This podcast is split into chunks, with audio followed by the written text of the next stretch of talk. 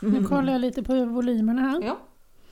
Jag tycker det ser bra ut. Och, eh, och jag, ska jag vara här eller ska jag vara närmare? Du, det ser bra ut där. Mm. Det låter bra också. Mm. Men då kör vi igång flödets 35 avsnitt. Hej! Nej. Nu kör vi igång!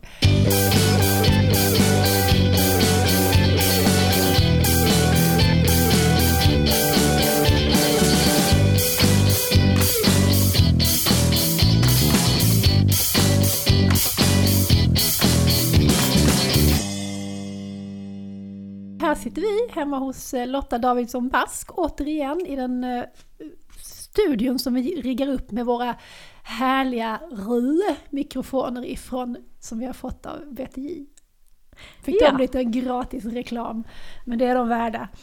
Eh, idag är det ju eh, extremt speciellt för vi har ju inte mindre än två väldigt spännande intervjuer som vi ska bjuda på. Ja, det har vi. Och det är en speciell dag också. Det är det också ja. För vet ni att idag är det Fråga först, krama en skolbibliotekarie-dagen. Fast det är nog alla bibliotekarier man får krama. Alltså fråga först men krama sen valfri bibliotekariedagen. Okej. Mm. Mm. Vi, vi slår ett slag för samtycke i Flödenpoddet och sen får ni inte heller glömma att det är pandemi. Så ska ni krama, så ska ni ha munskydd. Absolut. Ja, ehm, ska vi köra igång med eh, vår första eh, intervju kanske? Ja, men det tycker jag absolut att vi gör.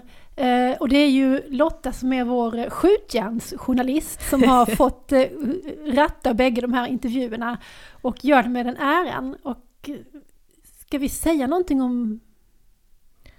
Vi kan, jo men vi kan berätta att jag intervjuar en kollega här i Lund. Jag intervjuar Magdalena Ivarsson och jag kommer att presentera henne i intervjun. Mm. Så jag behöver inte säga mer. Ja, ja, men vi kan bara säga att eftersom Magdalena är en av få fackutbildade skolbibliotekarier som jobbar på friskolor så är det ju en extra intressant intervju, tycker jag. Och även att höra hur man har lyckats lösa detta med som Friskolornas riksförbund ofta gnäller om att de har små enheter och så vidare. Att det faktiskt går att lösa, för det har de gjort på Magdalenas skolor. Så nu lyssnar vi på detta.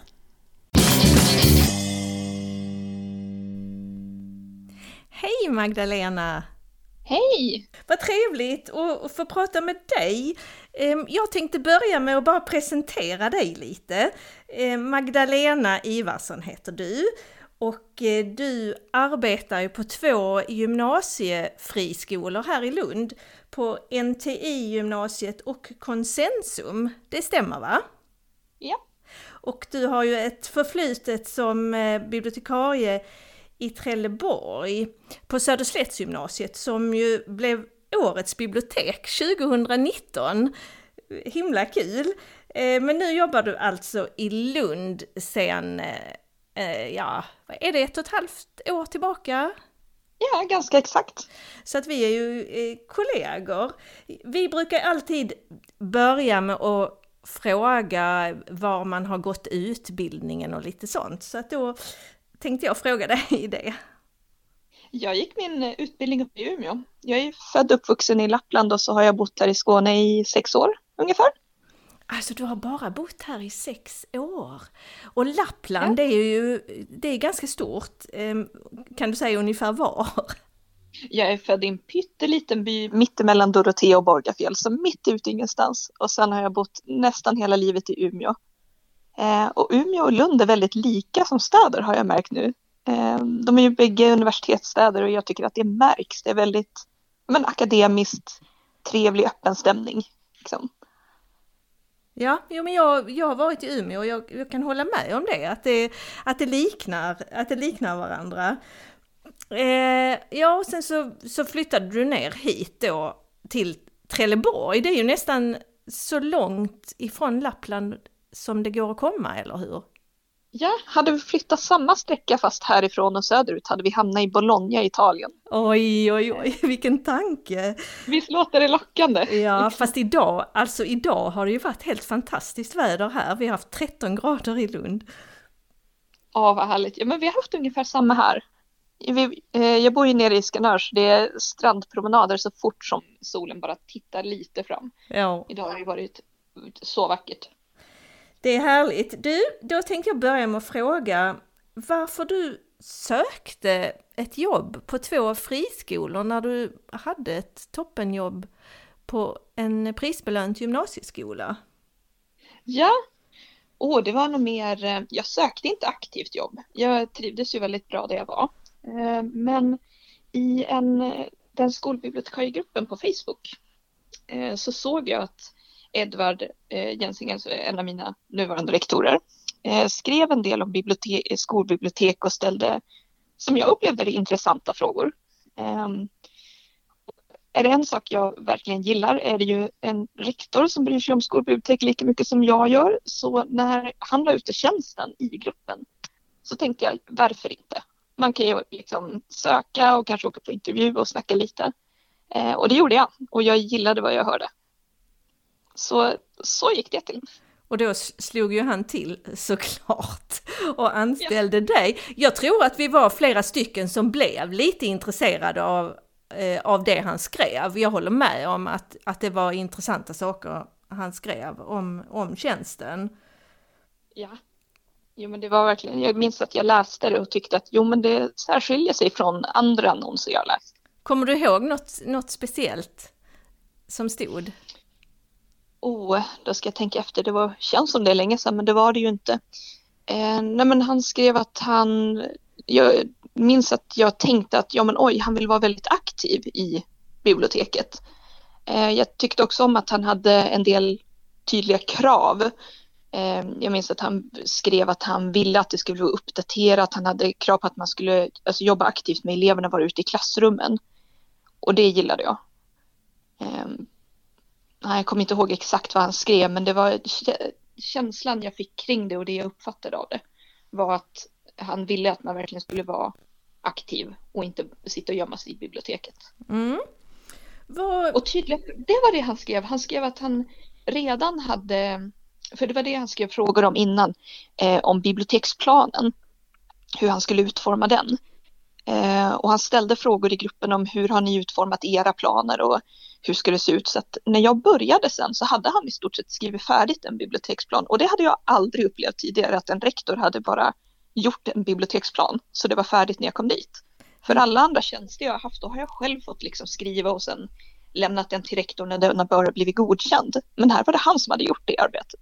Ja, det är ju det vanliga, eh, att, att många får hålla på och, och tjata och, och så. Men hur, hur kändes det okej okay att han hade skrivit färdigt den när du kom? Ja, jag fick ju lägga mig i vad jag tyckte eh, i den här planen. För han skrev den ju, han hade skrivit en plan för vår skola. Eh, och sen hade han också gjort en plan för Academedia. Liksom alla skolbibliotek inom Academedia-koncernen, det är ju över 500 stycken ska det vara. Och då, då kanske vi ska backa lite, det är då NTI-gymnasiet som ingår i Academedia-koncernen, eller hur? Det stämmer. Ja. Um, hade, han, hade han gjort planen själv eller hade han haft lärare med sig? Och det kommer jag inte ihåg, eh, men stora delar hade han gjort själv. Men då hade han alltså gjort en, en plan också för hela koncernen? Ja, eller åtminstone en plan som eh, var tänkt att alla skolor som nu skulle börja bygga sina skolbibliotek skulle kunna använda sig av som grund. Så det var ja, men en plan eller en mall till hela planen. Mm. Eh, och jag minns att han och eh, eh, skolchefen eh, Ellen Lindqvist, de pratade mycket om det här, om den planen när jag började.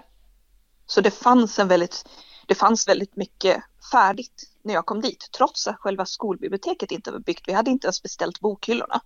Så var den viktigaste delen, alltså kärnan eller planerna, de var på riktigt god väg, i stort sett färdiga. Liksom strukturen ja. var, satt. Och det, det är ju inte helt fel faktiskt. Men vi, vi kommer tillbaka till det lite grann. Eh, för vi kanske ska säga någonting om den andra gymnasieskolan också. Eh, det ja, är väl det... ett vård, vårdgymnasium va? Det är det. Det är ett litet vårdgymnasium. Det finns faktiskt bara två konsensumgymnasium i Sverige och det ena är ju där i Lund.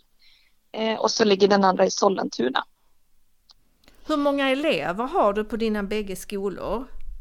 På NT-gymnasiet har jag ungefär 200 elever och på Konsensum lite fler, ungefär 270.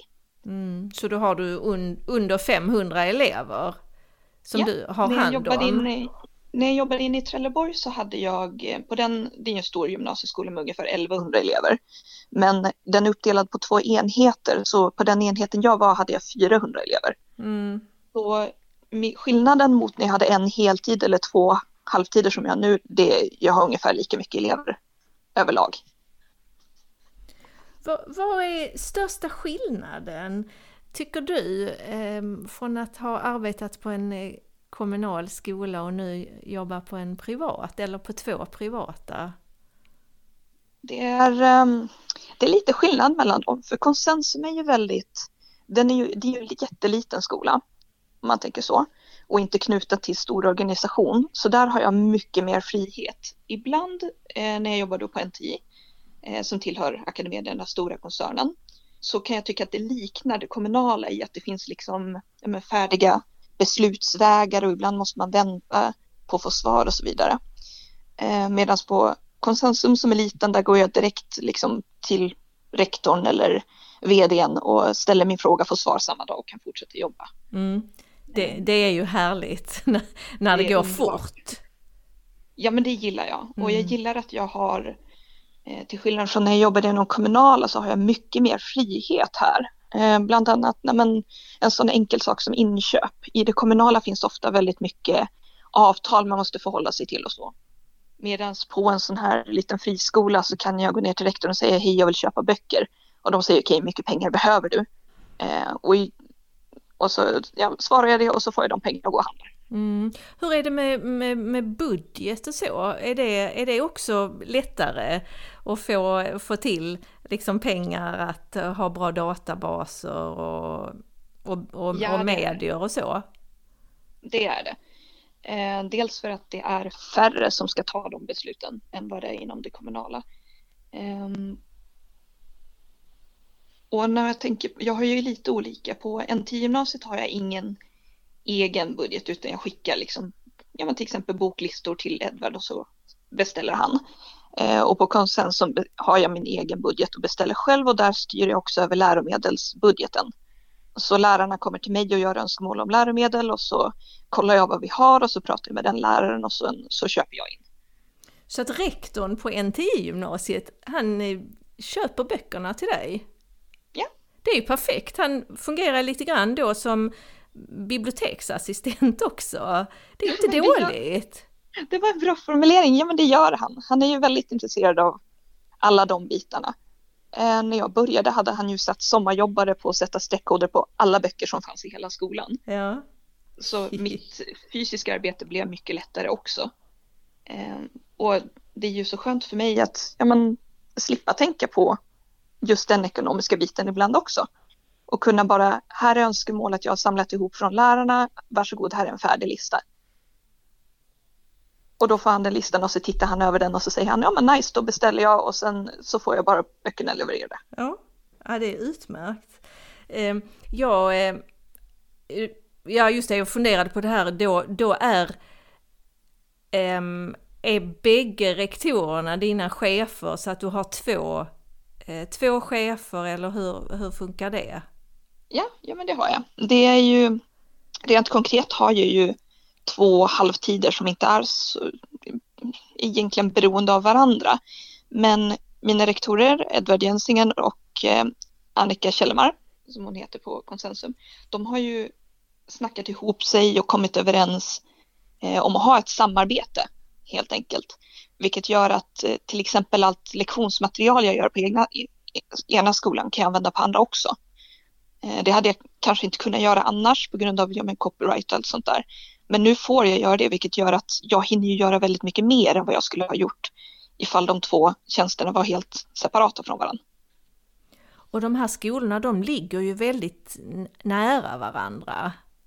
Ja, det är två minuters promenadväg. De ligger i samma park. Vi, vi har ju varit eh, och hälsat på dig. Vi har ju ett nätverk här i Lund, gymnasiebibliotekarierna och där är, är du med såklart.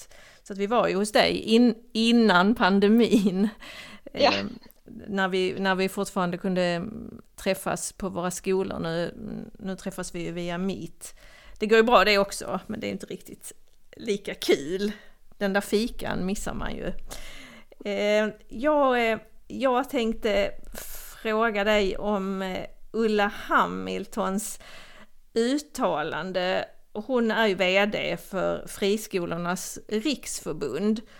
Och hon, hon uttryckte sig ju, ja, vad ska vi säga, kring, eh, kring skolbibliotek att det går ju lika bra med, med böcker i korridoren. Vad säger vi Alltså, om det? En, alltså jag fick en sån klump i magen när jag läste det. Det var, det var inte roligt. Och jag kände, men hur kan hon ha hur kan hon ha missat att vi gör en sån stor satsning nu inom de här friskolorna? Den lilla friskolan jag är på men också alltså, Academedia NT håller ju på att styra upp alla sina bibliotek, har köpt in nytt system, har lagt, gjort alla de här planerna.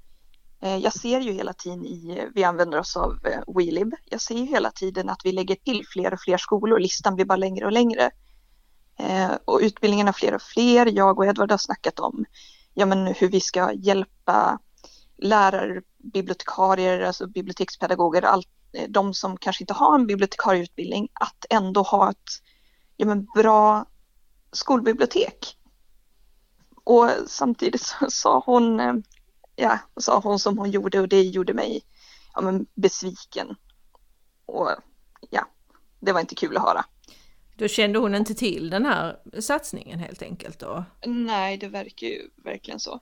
Men hur, hur är det NTI eh, gymnasiet? Är inte det en, det finns ju andra gymnasier, men hur många NTI-gymnasier finns det? Oj, det vet jag inte. Inom Academedia finns det ju både NTI och NTI vetenskap och vad är det, drott... vad heter den? Drottning Blanka? Ja, det tror jag och ja, det finns så många. Ljud och bildskolan är väl också Academedia? Ja, det tror jag, men jag tänkte på någon större. Det finns en sån, alltså en jättelång lista av skolor som ingår i Academedia och det är ju allt ifrån förskolan liksom och uppåt. Ehm, och alla de här ingår ju i den här bibliotekssatsningen. I satsningen. Men vet du hur många, hur många fackutbildade bibliotekarier som är anställda än så länge? Just nu är det inte så många.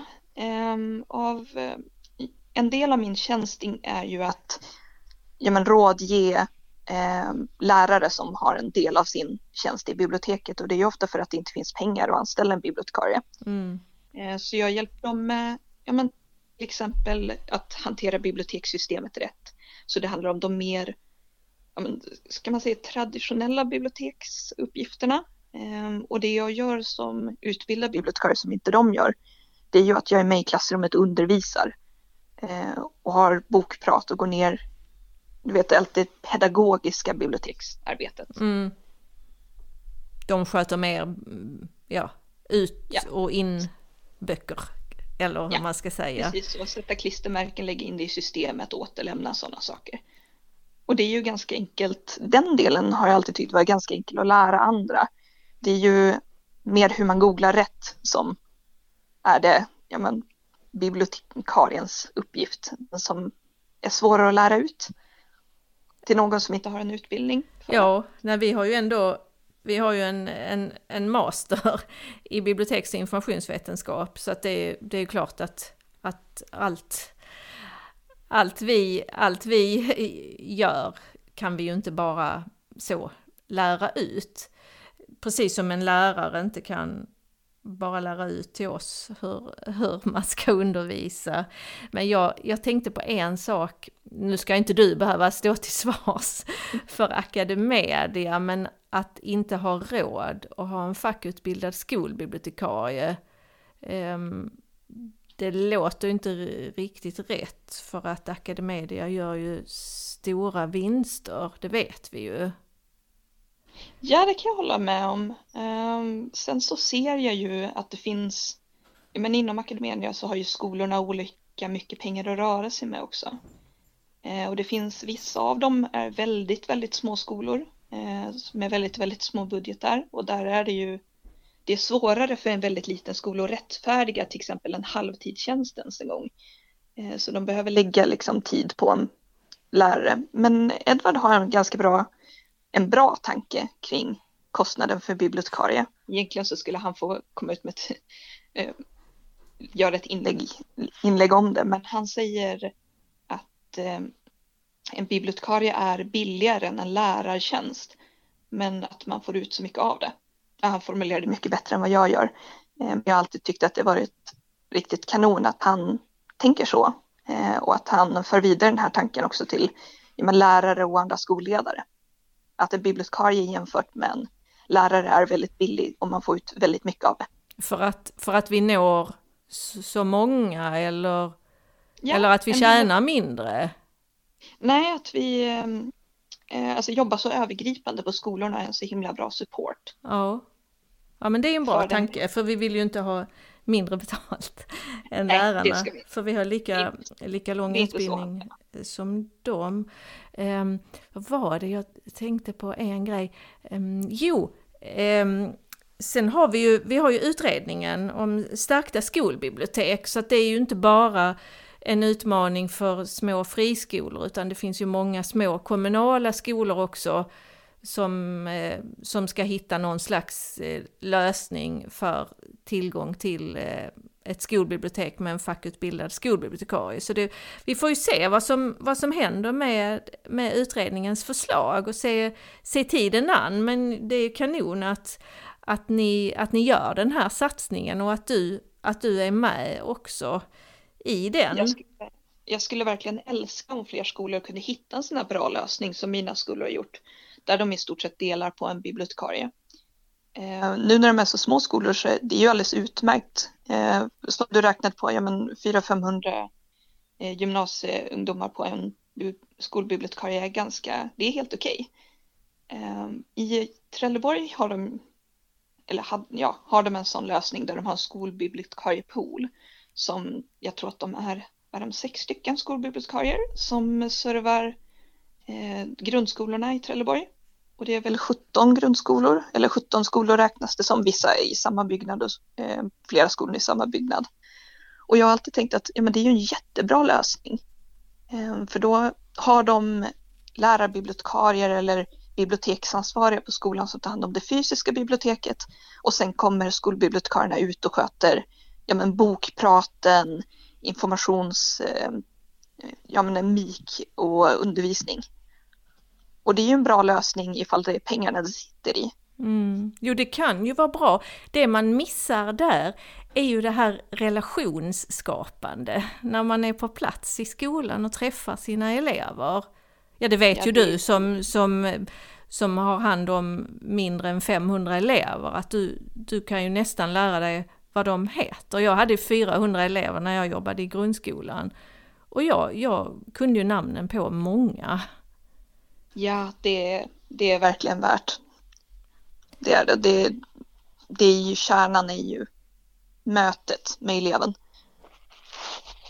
Och det här liksom att man, ja, men att man skapar en relation och då kan man ju också få deras förtroende.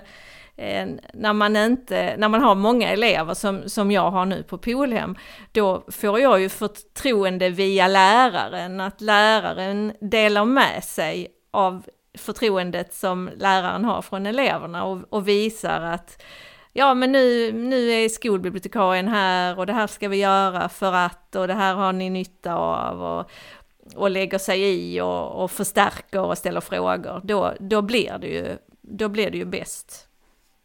Tycker ja, jag. Så är det ju verkligen. Jag har ju lästräningsgrupper eh, och i de grupperna så ingår alla som har eller riskerar att inte få godkänt i svenska och engelska. Eh, och de kommer jag ju väldigt nära och där, där har jag ju en oerhört bra möjlighet att hjälpa dem att få en fin relation till böcker, till läsning, till sina studier. Eh, och det kan jag ju göra för att vi är så få på skolan. Har ni, har ni specialpedagoger också? Ja, det har vi. Vad bra, då, då samarbetar du med, med den? Oh ja, det gör jag. Ja, det gör ju, det gör ju vi också. Eh, nu tänkte jag att vi kanske skulle ta och runda av, men jag, jag tänkte sluta med en, en, en fråga som, som det har blivit lite, ehm, lite halloj kring och det är ju skolbibliotek i världsklass. Kommer du att söka Magdalena? Ja, det kommer jag. Men det har varit eh, svårt att bestämma sig för om jag ska eller inte. För per princip så eh, håller jag ju med er om att jag tycker att det är eh, tycker inte riktigt känns som dika på vår sida den här gången. Ehm, och jag tycker att det är svårt, ja, det, jag förstår att de vill ha färre sökande och höja kvaliteten på det. Men eh, jag tycker att det sker på bibliotekariens bekostnad. Alltså vi, vi som jobbar i biblioteken och inte... Jag tycker inte riktigt det var gjort på rätt sätt vi, vi har ju pratat om skolbibliotek i, i, i världsklass och priser och utmärkelser redan för ett par år sedan här i, i podden och, och vi har ju inte några liksom klara svar på vad som är, är rätt och, och, och fel. Eh, men min åsikt är att ett fack inte ska initiera tävlingar mellan skolor. Jag hade tyckt att det var bättre att det var en tävling mellan kommuner till exempel, eller, eller koncern, skolkoncerner eller, eller så hur man, hur man satsar. Eftersom det är, det är ju mer än eh, själva skolbiblioteket. Det handlar ju mycket om stödstrukturer runt omkring och ja, jag tycker att det, att det har blivit mycket att man ska uttrycka sig i ord eh, kring det man gör och om man kan uttrycka sig bra i ord så, så får man utmärkelsen och, och har man inte tid att göra det så, så, så får man inte utmärkelsen såklart. Men, men eh, jag, jag säger ly lycka till Magdalena. Eh, den, här, den här frågan har många sidor, det, det förstår jag också jag tycker, har alltid tyckt det var roligt att tävla eh, och få fina utmärkelser. Eh, och jag kommer ju söka i år för att ja, men, eh, nu, friskolorna tycker också det är lite viktigare upplever jag än vad det var när jag jobbade inom det kommunala. Eh, för att utmärka är ju kvalitetsstämplar liksom, som syns utåt. Ehm, men det är ju, jag håller med dig, det handlar mycket om ord och man kan formulera sig om man har tid att göra det och det är väldigt orättvist mot alla de fantastiskt begåvade skolbibliotekarier vi har överallt som inte har, som sa, tid eller kanske de råkar sitta på en 40 tjänst och då inte kan söka för att det krävs en halv tid. Men jobbet de gör är minst lika bra. Eh, nej, jag hade gärna sett att det var mer rättvist. Ja, ja jag håller med dig. Um, men då, jag vill tacka dig Magdalena för att du ville vara med här och sen så kan vi väl säga att, att om det är någon som lyssnar på det här som, som jobbar på en friskola så får ni gärna kontakta eh, dig Magdalena och höra hur ni, hur ni gör för att det går faktiskt att ha en fackutbildad skolbibliotekarie fastän det är en friskola. Eller hur? Oh ja, absolut. Okej, tack så mycket Magdalena. Tusen tack. Hej då! Hej då!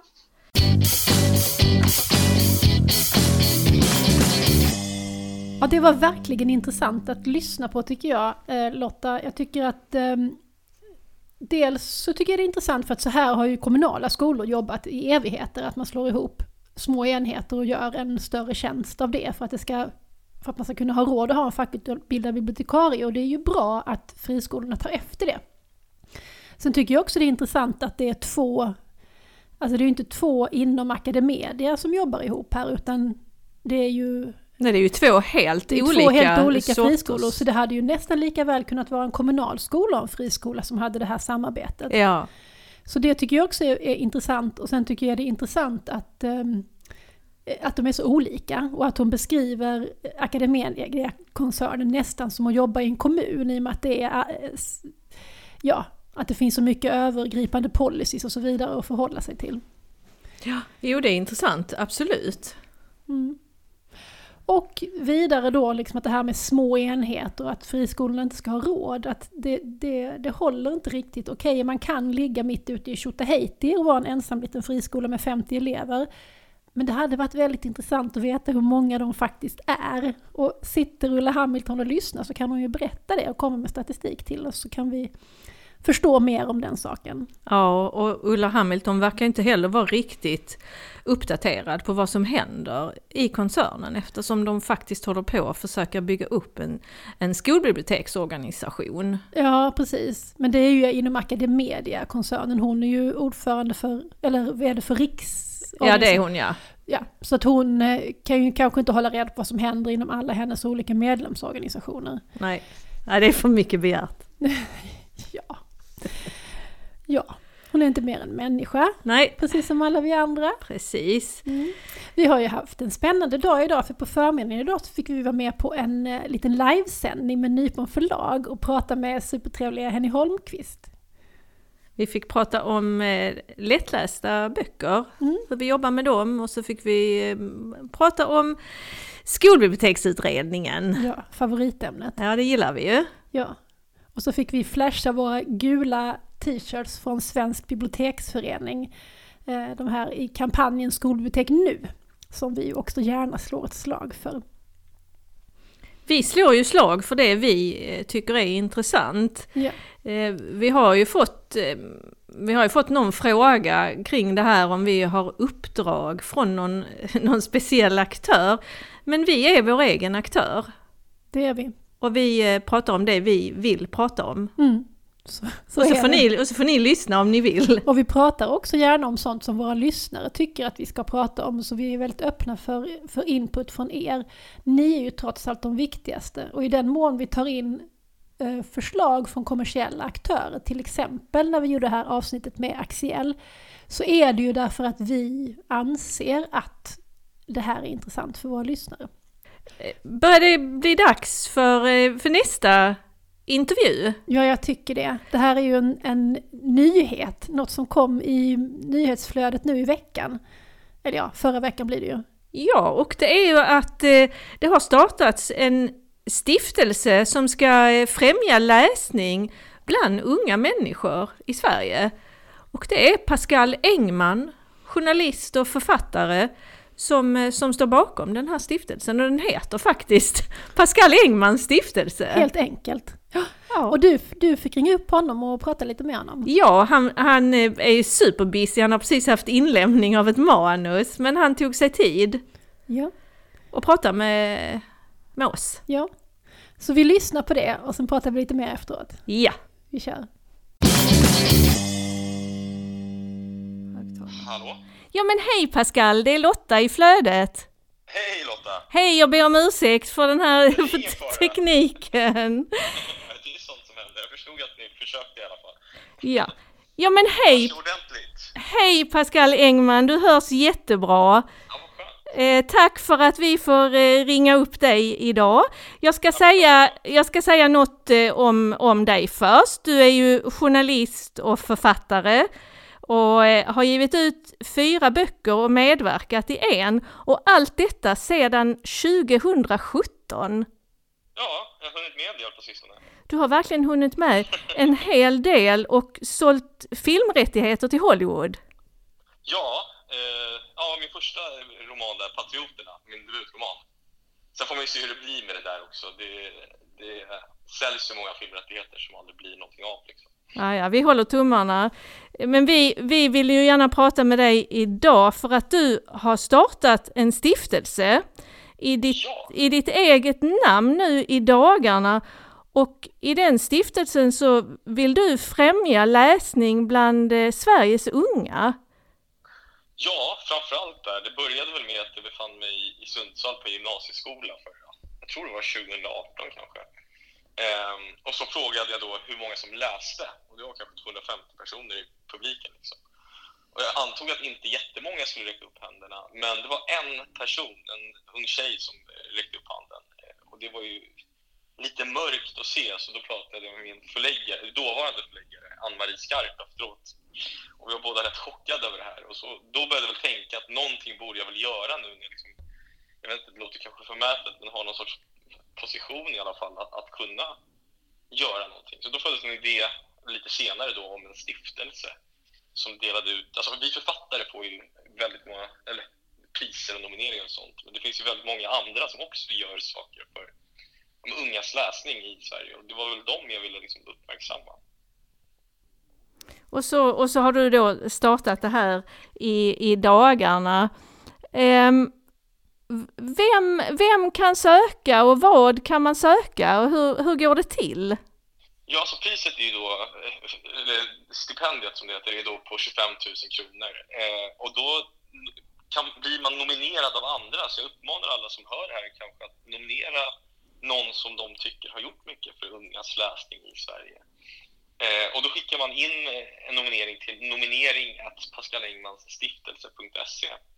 Och sen går vi igenom då eh, alla nomineringar och eh, sen väljer vi ut tre, fyra stycken som vi diskuterar då inom den här kommittén som vi har startat också.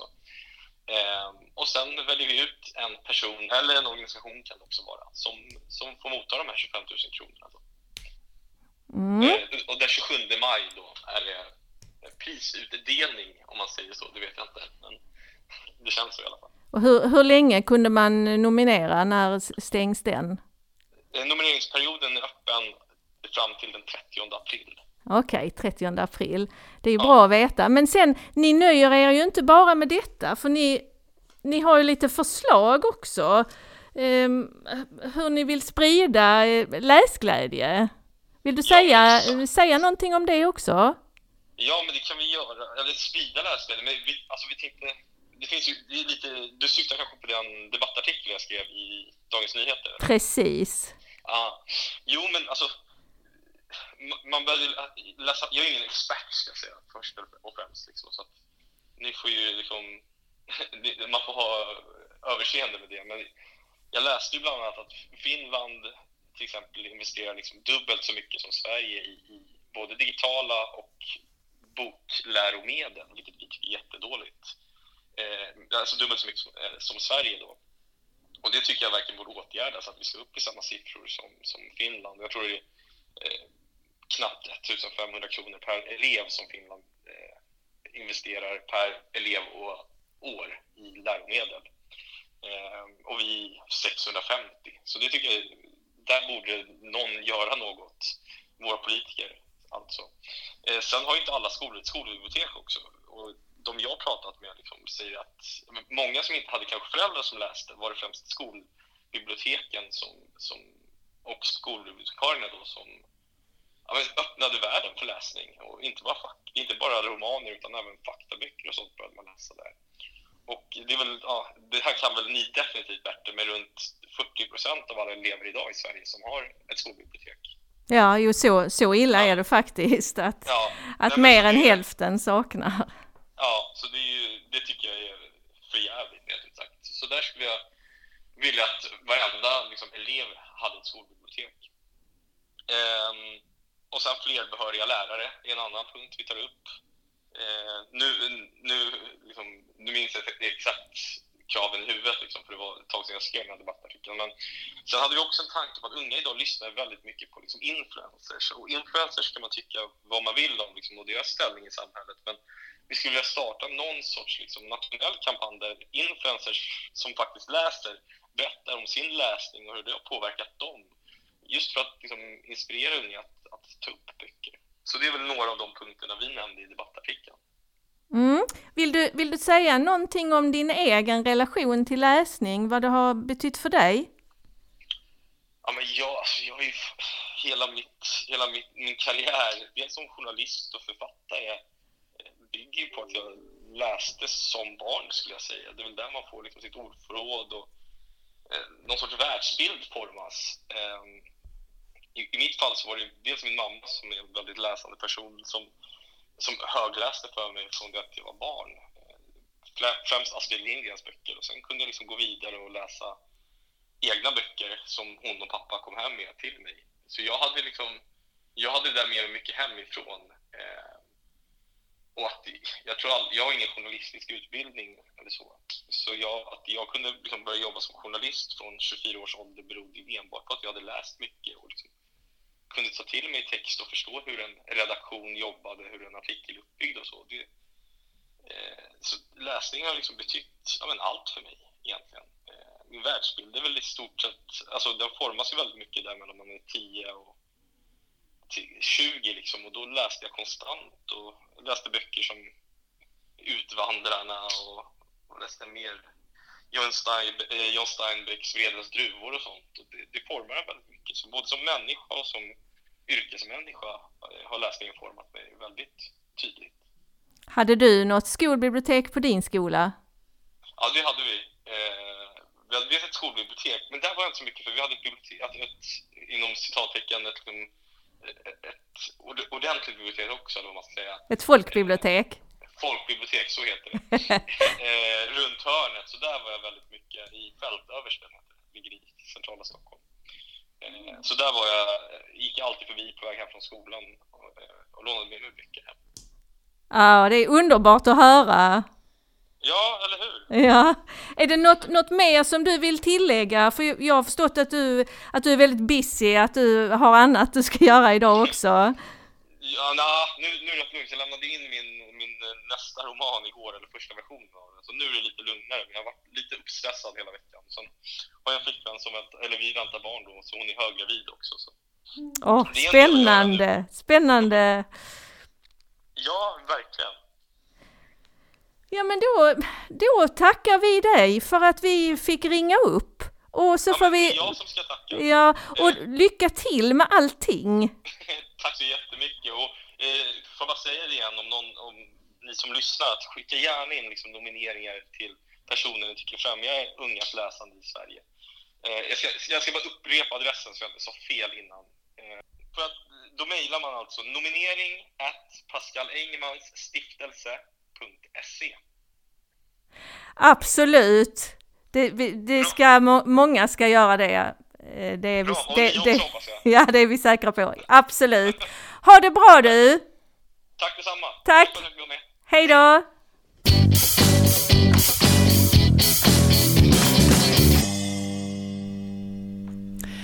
Jaha, eh, vad spännande det var att lyssna på dig och Pascal. Ja, och nu, nu kanske inte ni märkte eller så märker ni att det är lite sämre ljud på intervjun med Pascal och då, då var det så att inspelningsutrustningen inte ville samarbeta med hans telefon. Och det kanske ni kommer ihåg att det hände detsamma när jag intervjuade Gustaf Fridolin senast. Ja, den andra eh, gången. Så att då fick vi köra eh, liksom, telefonen på högtalare mot, mot vår eh, mikrofon. Ja. Ja, men bara det... så ni vet, men ljudet, Magdalenas ljud var ju perfekt. Så ja. det, det jämnar ut sig. Det jämnar ut sig. Ja, men hörde ni, du bara springa iväg och nominera. Kör hårt säger jag. Och nomineringen är öppen fram till 30 april. Ja. Och sen är det ganska raska papp för dem som ska utse vinnaren, för sen är prisutdelningen då, eller vad man ska kalla det, han kallade det va? Det är den 27 i femte. Så de har, vad är, har de fem, fyra veckor mm. På sig där? Ja, ja. Jag tycker det är spännande därför att det här är ju, alltså nu är jag, ja, jag är kanske inte så bevandrad i vuxenlitteratur, jag läser nästan bara barnböcker, så när den här äh, debattartikeln kom upp, nu ska jag erkänna, så tänkte jag att det här, det här var en äldre herre som satt på slutet av sin karriär och som tänkte nu ska jag göra någonting gott innan jag går i pension och innan jag ger upp andan. Och sen googlade jag och insåg att ojsan, han är jättekänd och ung. Och, ehm, och då tycker jag att... Och aktiv författare Och aktiv författare. Och, ehm, så det är liksom inte någon som vill göra någonting gott för sitt eftermäle eller för att barnbarnen inte ska få för mycket pengar. Eller så. Utan det är någon som är mitt i sin karriär och jag tänker att det finns en linje här mellan, eh, ja, manliga författare mitt i sin karriär som gör något gott för läsningen. Det är en liten trend. Vi har Lagerkrans som skänkte jättemycket pengar till eh, läsrörelsen. läsrörelsen och gjorde ett stort läsprojekt med dem. Vi har eh, Backman som, eh, han har ju inte instiftat något pris eller skänkt pengar men han har sån här återupp återkommande små eh, kampanjer när han skänker bort till exempel böcker. I början av pandemin hade han något där man kunde gå och hämta en bok i en bokhandel för att läsa högt hemma för sina barn i oroliga tider och sådär. Och så nu Pascal Engman som gör det här för att um, ja, men ge oss som jobbar med barn och läsning en skjuts, en snäll skjuts. Och det, det är supertrevligt. Ja, han, han, han brinner ju verkligen för läsning, det hörde vi. Det hörde vi. Och att han, att han till och med har jobbat som journalist och, och fått en, en, en bra karriär som journalist utan att ha gått någon journalistutbildning utan hans utbildning är att han har läst. Skönlitteraturen var hans skola. Ja. Um, sen tycker jag också att det är härligt när det är någon som kommer helt utanför ifrån vårt fält. Som kommer in och som så radar upp ett antal åtgärder som han då tycker ska ta plats och på andra plats ligger skolbiblioteken. Så att, man, att han ser skolbiblioteken, det tycker jag är fantastiskt. Ja, det är fantastiskt. Jag blev väldigt glad när jag läste debattartikeln. Och sen känns det ju som ett fräscht och säkert bra koncept det här med influencers, att göra en kampanj bland influencers. Så han är väl en sån person också som skulle kunna, om någon skulle kunna dra igång en sån kampanj, så är det ju säkert han och hans stiftelse. Det skulle ju aldrig gå om vi försökte med det. Så det, det är bra att vi kan jobba tillsammans. Den som är bra på en sak gör det och den som är bra på en annan sak gör det. Du menar att två, två tanter inte kan dra igång en lässatsning? Att, nej, men om jag ringer Blondinbella och säger att, alltså heter hon inte det längre kanske, men ni, så ni märker hur oinsatt jag är i hela den här biten. Men jag skulle inte kunna ringa och säga, hej kan inte du köra lite om läsning på din sajt, det hade varit kul. Men om någon som är på rätt sida om staketet gör det så ja. kanske det händer något. Jo, och, men vi kan ringa upp Pascal Engman. Så, mm. och det är ju bra. Ja. Jag, jag tänkte säga någonting att, att med i den här stipendiekommittén har han ju Gunilla Herlitz som har varit chefredaktör på Dagens Nyheter. Mm. Och det är ju inte dåligt. Absolut inte. Men tror inte du att det kan vara en bra grej med en influencerkampanj då? Jo, jag tror det är jättebra. Jag tror att, att vi, vi ska kämpa för, för läsning på alla fronter. Mm. De har ju gjort sådana här kampanjer, till exempel med läsande förebilder bland kända fotbollsspelare och sådär. Och jag tror att forskning visar att det har en viss påverkan, särskilt då om du är en kille som gillar fotboll. Det måste vara ganska precis. Att det är din fotbollsspelare som visar upp en bok. Då funkar det bra. Eh, men jag tänker influencers är ju mindre, eh, alltså de når kanske en bredare grupp. Det är inte så att om en Malmö FF-spelare gör reklam för en bok så gör det kanske att en AIK-kille absolut inte vill läsa. Liksom. Utan, men influencer har kanske lite mer bredare påverkan, tänker jag. Ja, jag vet inte riktigt. Men jag tänker på eh, Oprah Winfrey. Mm. Hon hade ju i alla fall en bokklubb tidigare. Mm. Och de böckerna som, som kom med i hennes bokklubb, det ja. blev ju sådana succéer. I en, I en svensk kontext kan man ju dra en parallell till eh, den här podden En varg söker sin podd. De böckerna som de diskuterar där, de är, blir direkt eh, lästa av många. Så för deras lilla segment och de som lyssnar på dem, eller inte så lilla segment ska jag säga, men de, de, de har ju en ganska stor lyssnarskara, eh, så funkar det ju. Så jag tänker det kan säkert funka på andra också. Det gör det, det, gör det förmodligen.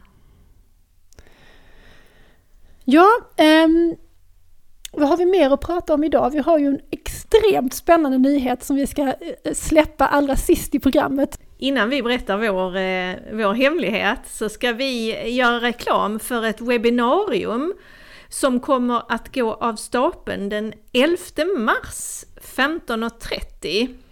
Och det är Richard Gerver eh, som eh, håller en entimmes föreläsning för oss och temat är eh, Vad behöver barn för färdigheter, beteenden och egenskaper för att uppnå framgång?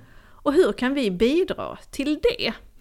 Och då undrar ni kanske vem Richard Gerver är? Jo, han är lärare, rektor och skoldebattör och ordförande i eh, School Library Association i Storbritannien. Så det är alltså på engelska det här föredraget. Det är på engelska eh, och just nu så är han aktuell med boken Education, a manifesto for change. Och det är Axiell som bjuder på det här webbinariet. Ehm, Så att ni, ni går in på Axiells webb och anmäler er. Och om ni inte har möjlighet att, eh, att vara med live då den 11 mars klockan 15.30 så kan ni anmäla att ni vill få tillgång till, till inspelningen efteråt. Eh, Men, eh, men man måste anmäla sig i förväg för att få, för att få eh, tillgång till det här. Och eh, Richard Gerver han eh, har bland annat sagt att eh, skolbibliotek aldrig har varit så viktiga som nu. Mm.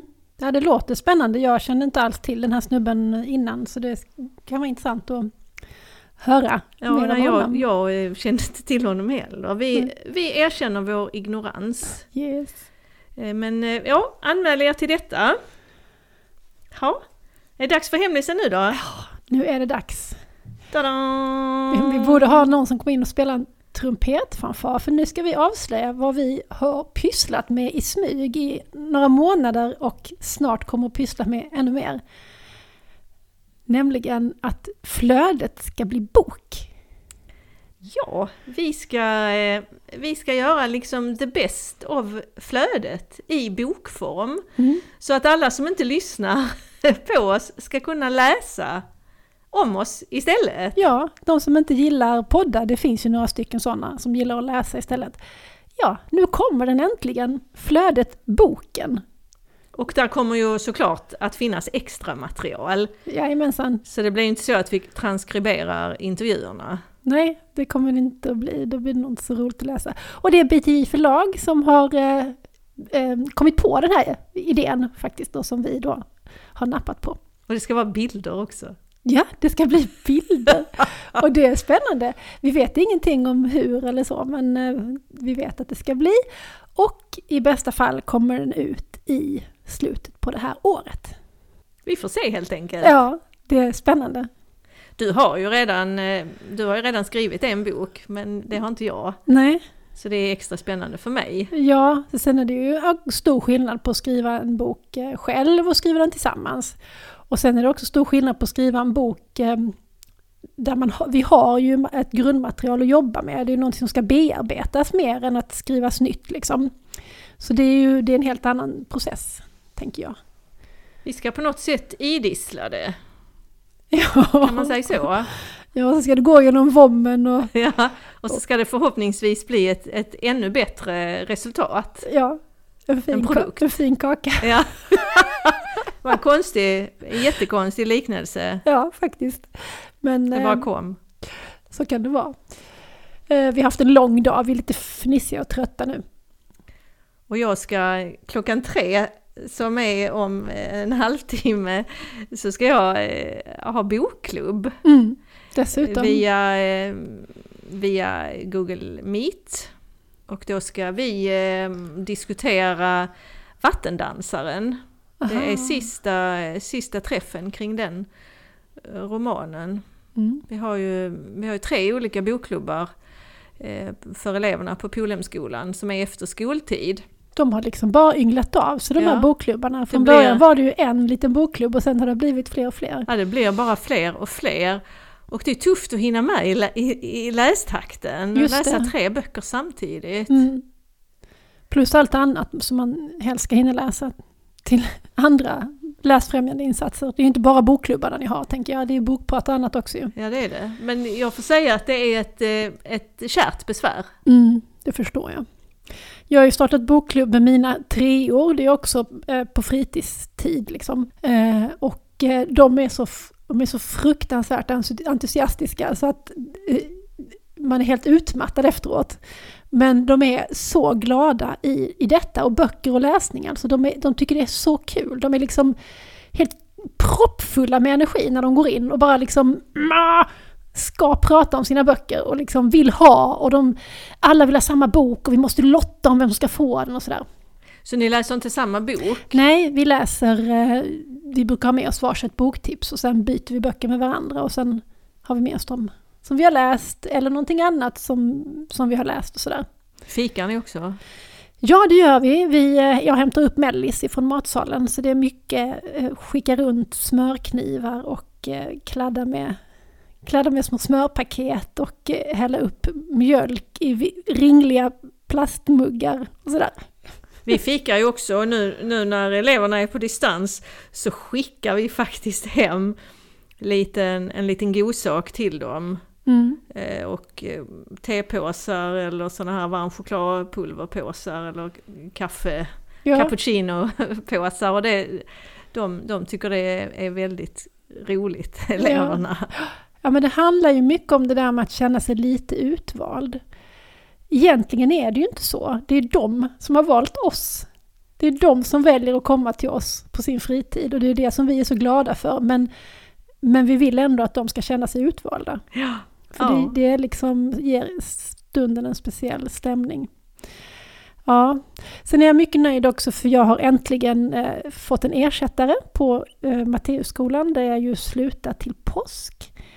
Eh, men nu är det löst med min efterträdare och det känns väldigt tryggt och bra. Hinner ni jobba tillsammans någonting? Ja, vi hinner få några dagar ihop Vad nu bra. innan så det känns jätte, jättebra både för Ja, när man lämnar över så känns det jättebra att få lov att lämna över till någon som man kan prata lite med och särskilt då för, för eh, eleverna och lärarnas skull.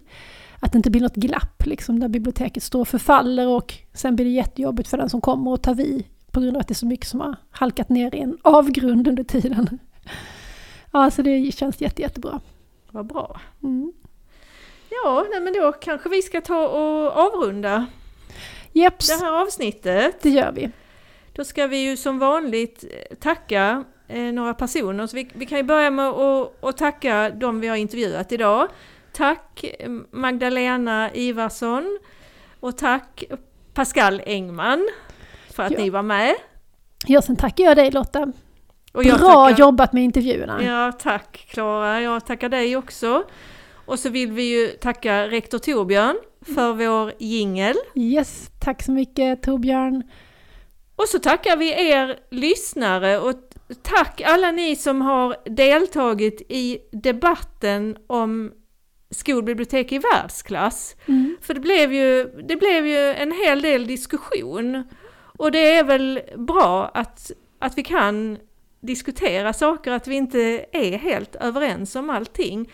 För då har vi ju en, en chans att, ehm, att utvecklas. Mm, absolut. Att vi stöter och blöter saker. kan säga att för er som har missat den här debatten så har den skett i dels lite grann på vårt Instagramkonto men sen framförallt i Facebookgruppen Skolbibliotekssamtal.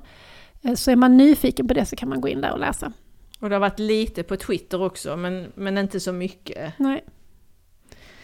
Så, ha det så bra hörni! Ja, hej då och tills vi hörs igen, ha det gott! Hej då! Hej hej!